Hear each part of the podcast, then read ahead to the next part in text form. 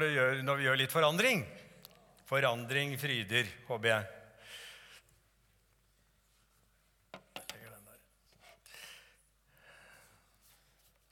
Det var vel Karsten Isaksen som visstnok skal ha sagt en gang at det er det samme for skylda hvem som har den.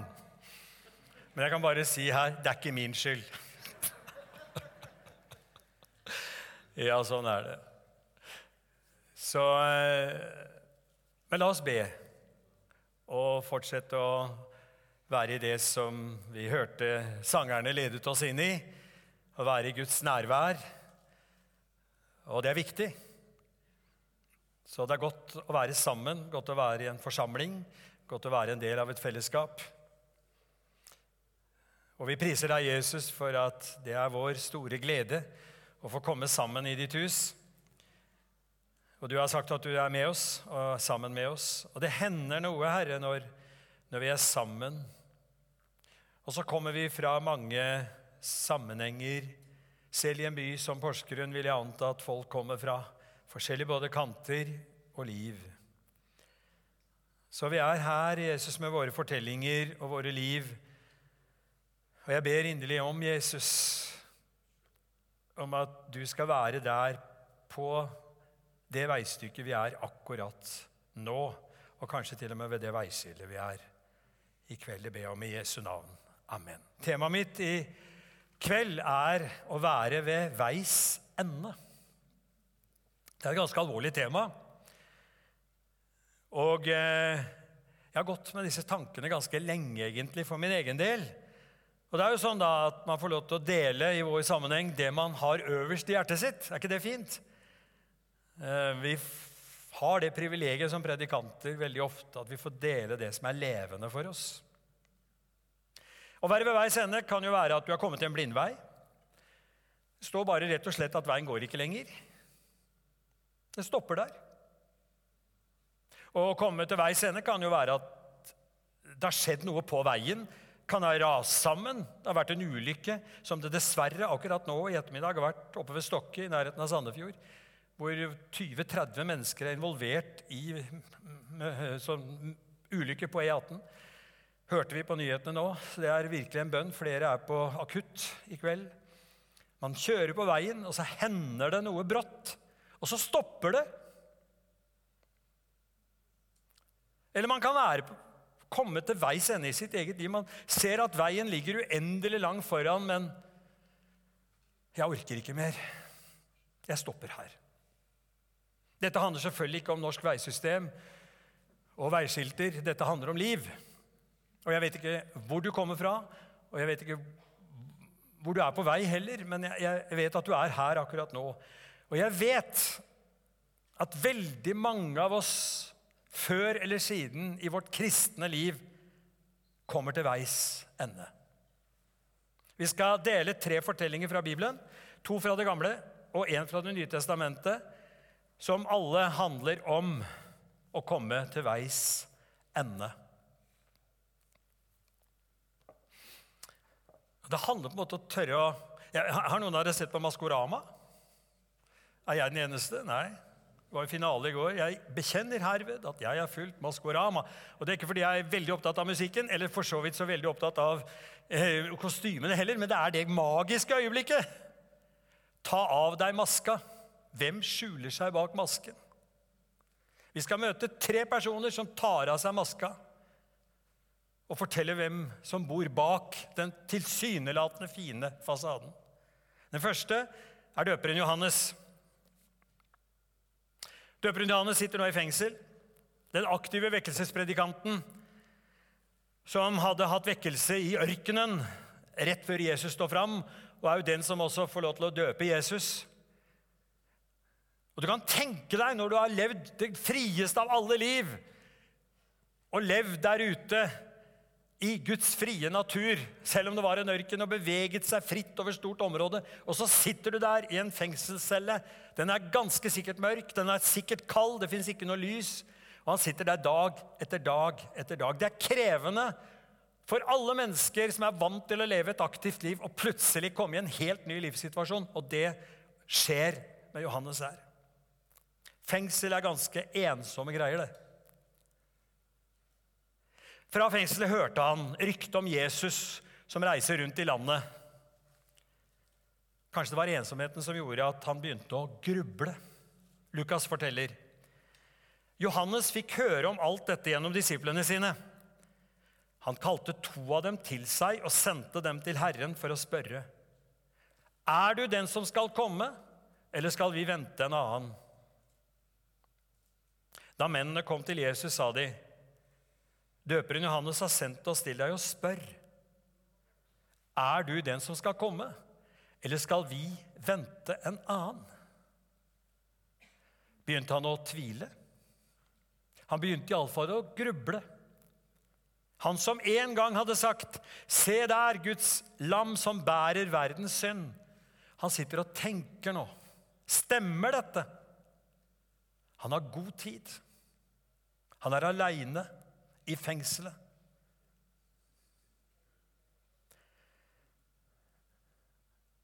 Skal vi vente en annen?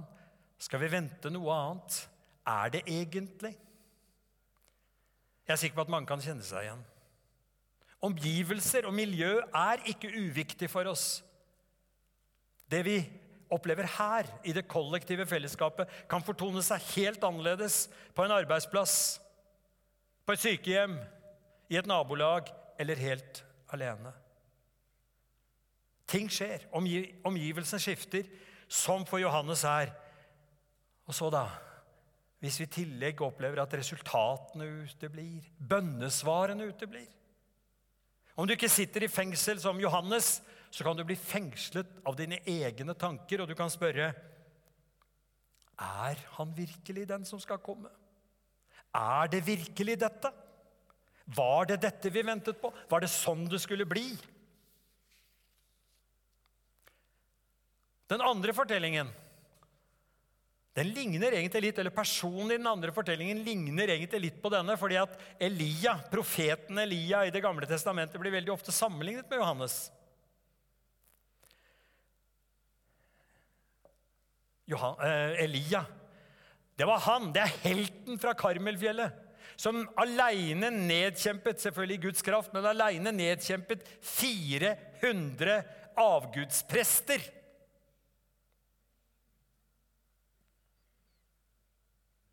En kjempeseier, en kjempesuksess, en demonstrasjon av Guds herlighet, Guds kraft, Guds nærvær, som få andre har opplevd maken til.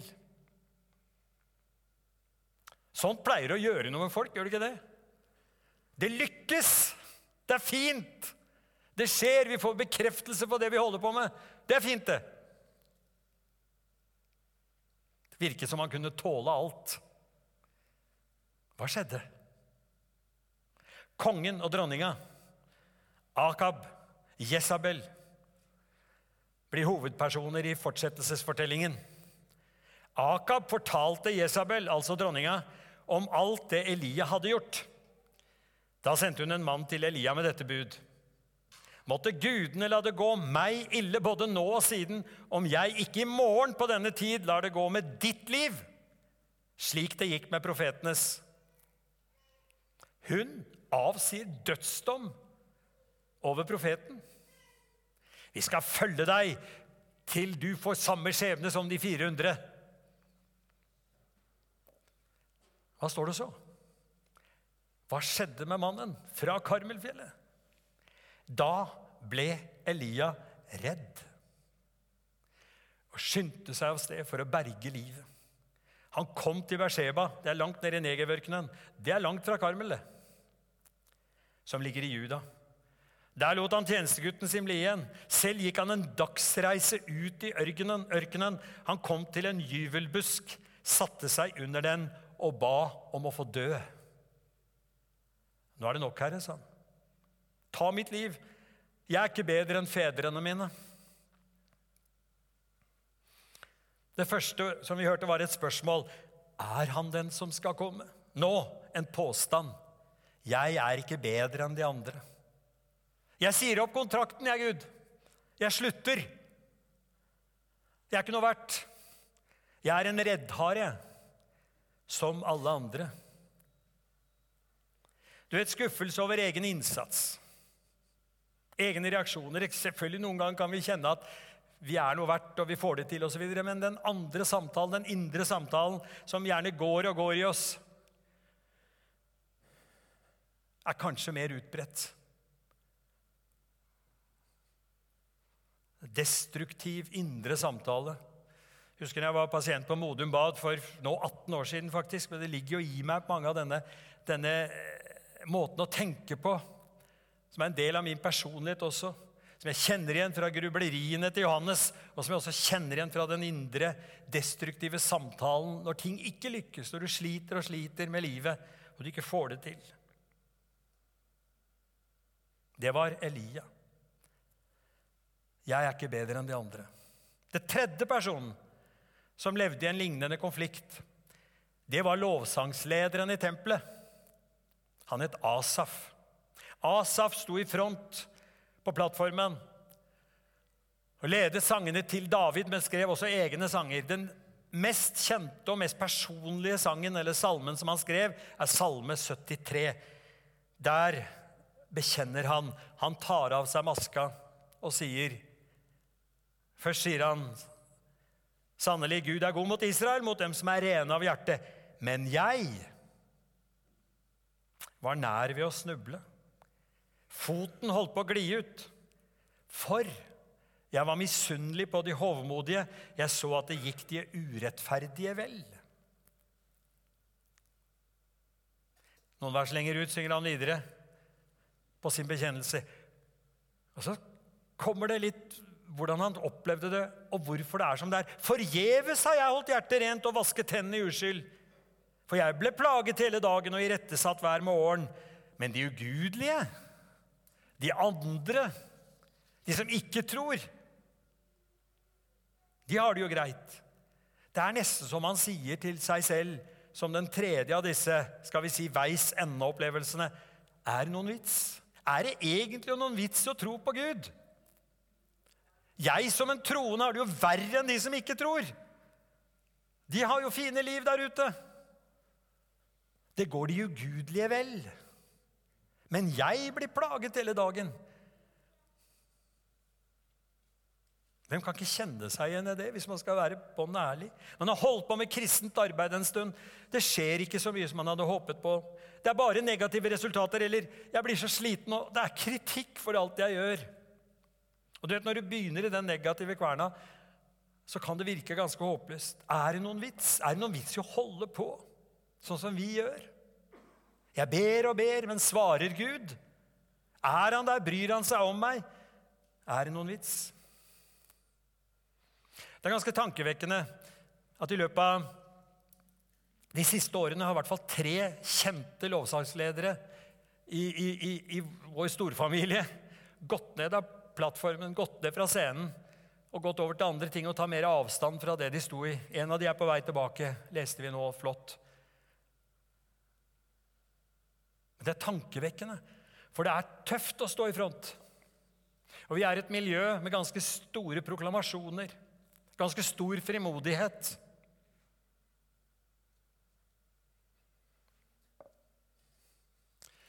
Og vi synger, og vi vitner. Men som de sa på Modum Bad til oss som var der, det er skummelt når et rungende halleluja ikke har dekning i eget liv.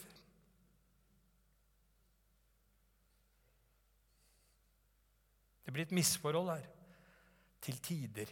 Eller dekning i det vi ser. Og jeg har sagt det for moro av og til, og det er en vesentlig alvor i det også. Jeg har lagt merke til barnesangen 'Når det stormer, når det stormer' rundt omkring, som vi synger så frimodig med ungene og barna, og kanskje sjøl òg.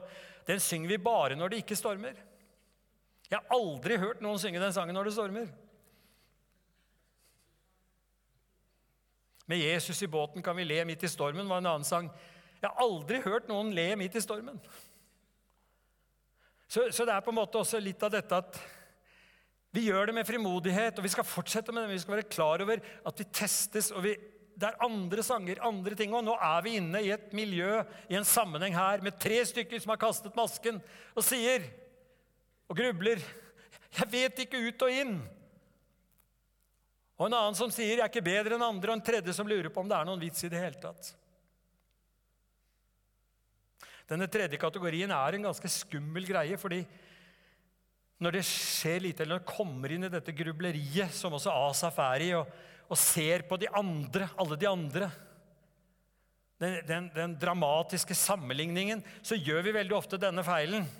At vi sammenligner vårt eget verste med den andres beste. Det går det ugudelige vel. Det ser så greit ut. Mens jeg Eller vi sammenligner vårt eget indre, vårt indre kaos, med det vi ser på de som ikke har kasta maska ennå. På det andres ytre. Og den er verdt å tenke over. Vi sammenligner vårt eget verste med den andres beste, og vårt eget indre med den andres ytre. Og da er det dømt å tape.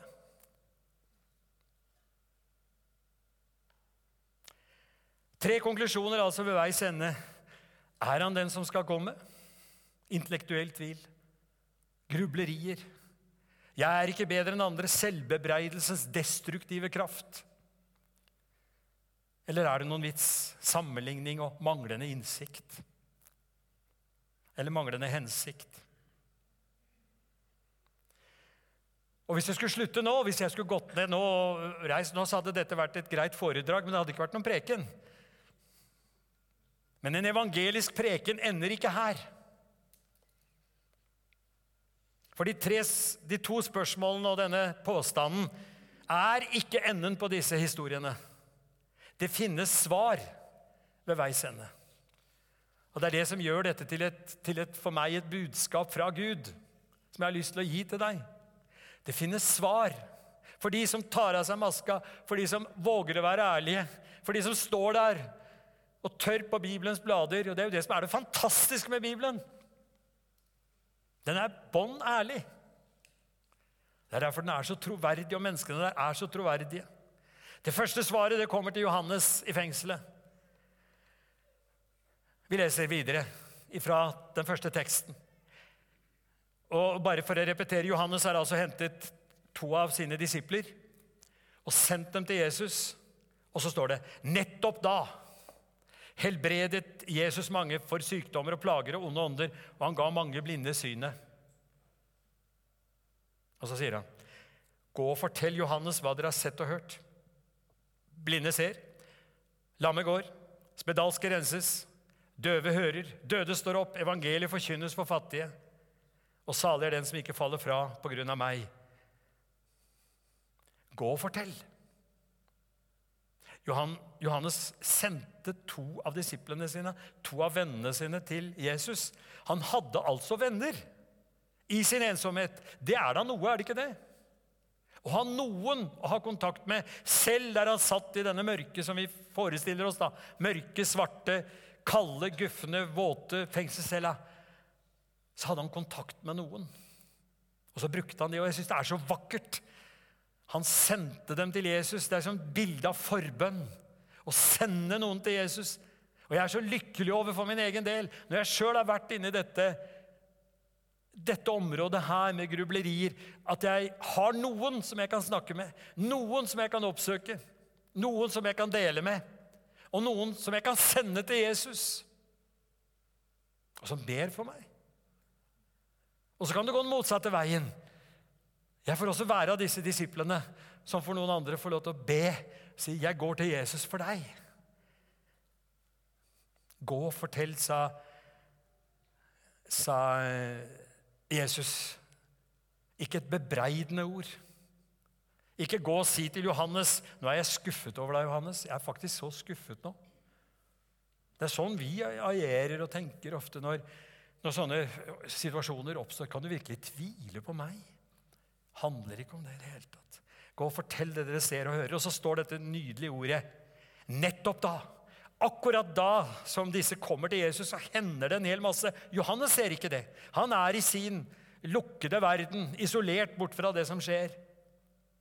Men nettopp da hender det noe. Det er jo evangeliets storhet. Sånn har det beveget seg gjennom tidsaldrene. Vi i Norge, vi i Europa, har hatt våre velstandstider med vekkelse. Andre steder har vært lukkede land. Så har dette beveget seg. Nå hører vi om andre steder og andre land hvor det skjer større ting. Kanskje det er litt roligere her, kanskje det til og med kan kjennes som det er ganske stengt noen ganger. og Det er vanskelig å komme videre med budskapet vårt og vinne mennesker. Men det hender noe akkurat nå.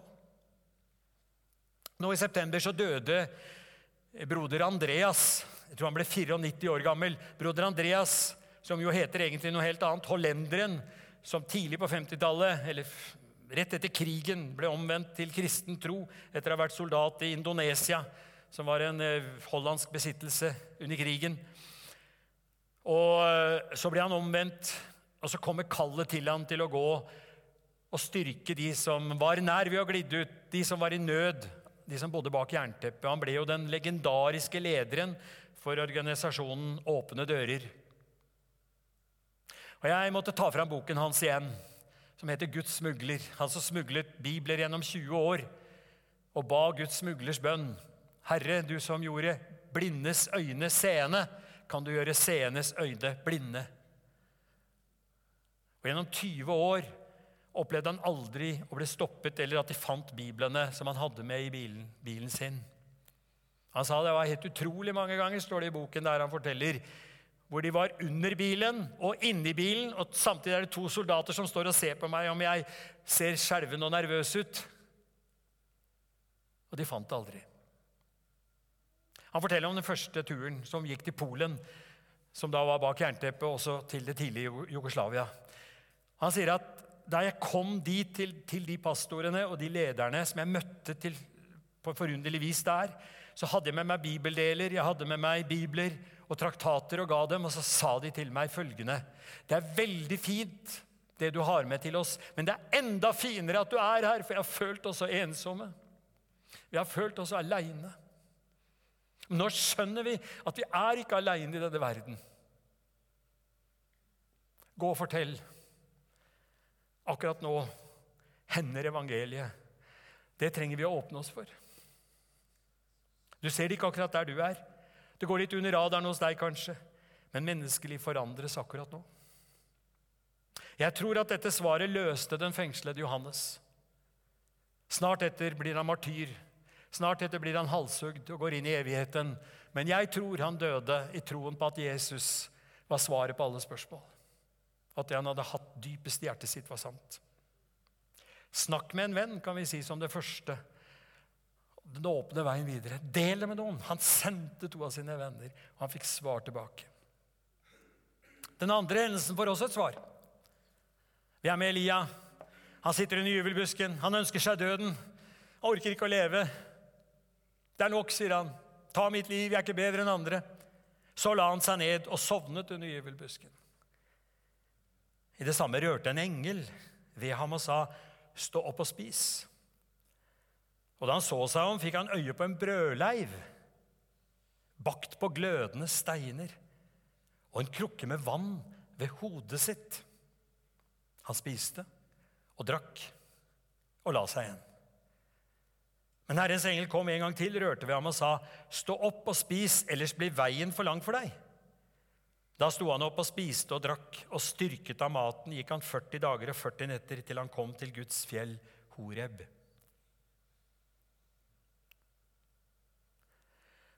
Hva er det som skjer her? Han som har ønsket seg døden, blir vekket. Og Så snur han på hodet. Han er så sliten. Han er så nedfor.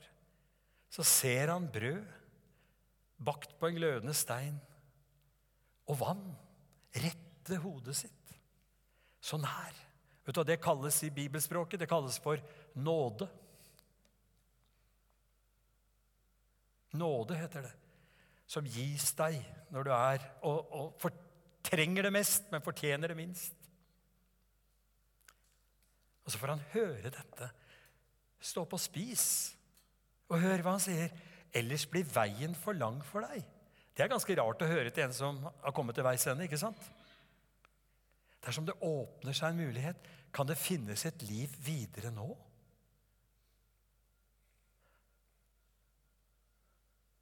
Stå opp og spis, ellers blir veien for lang for deg. Ta til deg. Det er nesten så vi kjenner smaken av nattverden her, gjør vi ikke? Ta til deg av brød og vin. Eller ta til deg av ordet. Ta det til deg. Spis det. Lytt til det. Lytt det inn. La det tale til deg.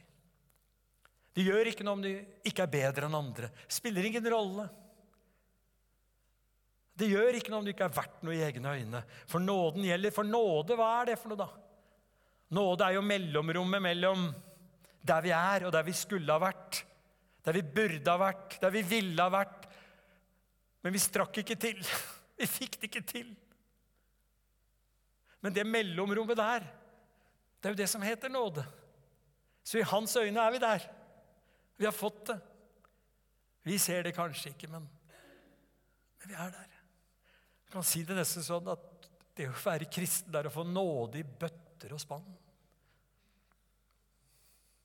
Stå opp og spis er den tredje åpningen. Den, den, unnskyld, den andre åpningen. Stå opp og spis, ellers blir veien for lang for deg. Det tredje Tilbake til Asaf, sangeren, lovsangslederen i, i tempelet, som lurte på om hele satsingen av Gud var noen vits i hele tatt. Han sier at alt snudde på én bestemt dag. Det synger han også, den, synger han også om i den 73. salmen. Det snudde da jeg gikk inn i Guds helligdom. Da skjønte jeg hvilken framtid de får, altså de han beundret eller de han misunte. Da skjønte jeg. Da han, hva, hva var det han gjorde egentlig? Han søkte fellesskapet.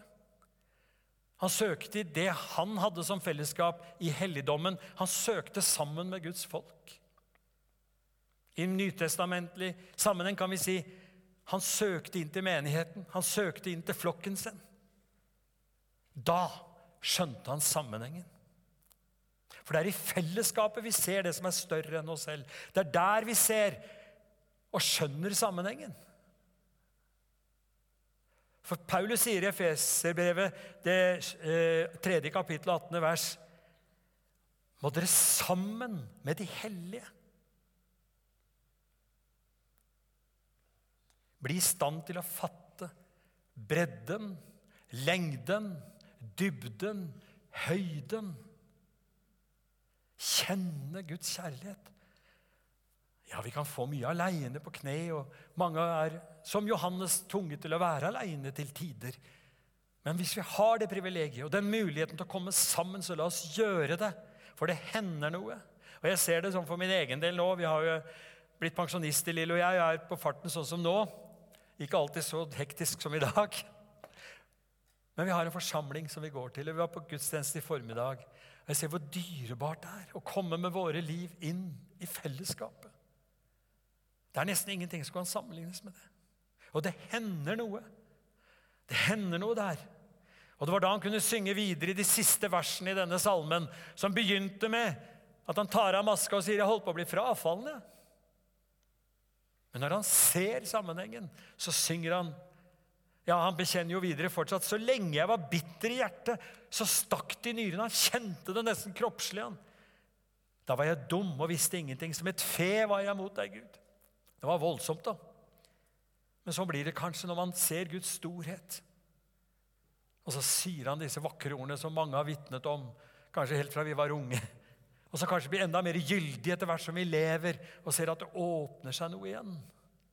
Men jeg blir alltid hos deg. Du har grepet min høyre hånd.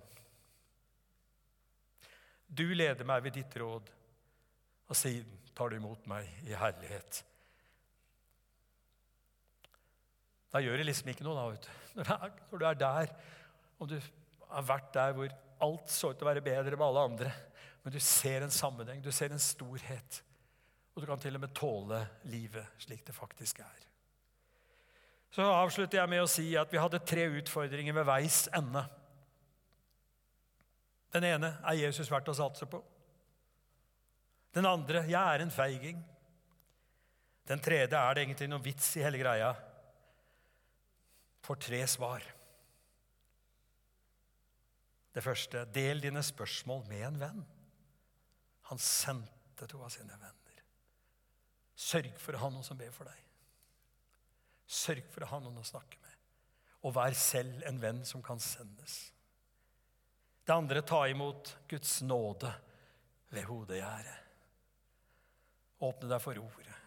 Gå til nattvern. Ta imot brød og vin. Det er gitt deg av bare nåde. Og det tredje, søk fellesskapet. Dette holdt for tre ærlige personer i Bibelen som tok av seg maska. Jeg tror det holder for deg og meg. Og så kan hende ikke, noe av dette ikke traff deg i det hele tatt.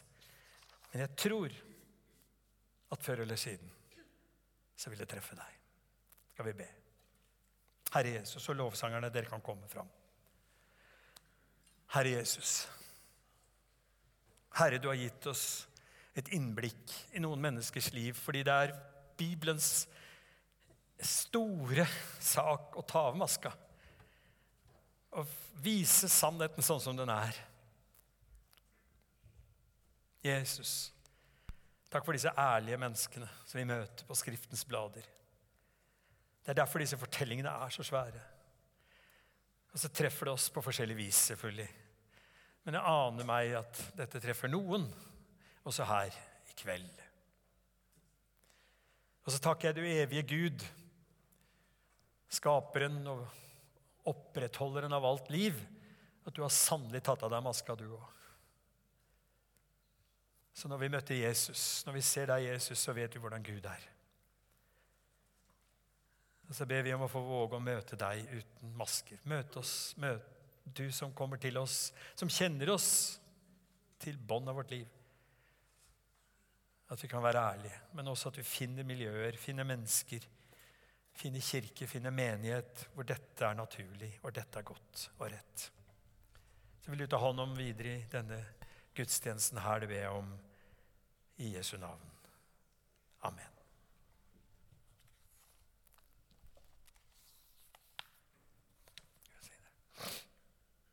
You.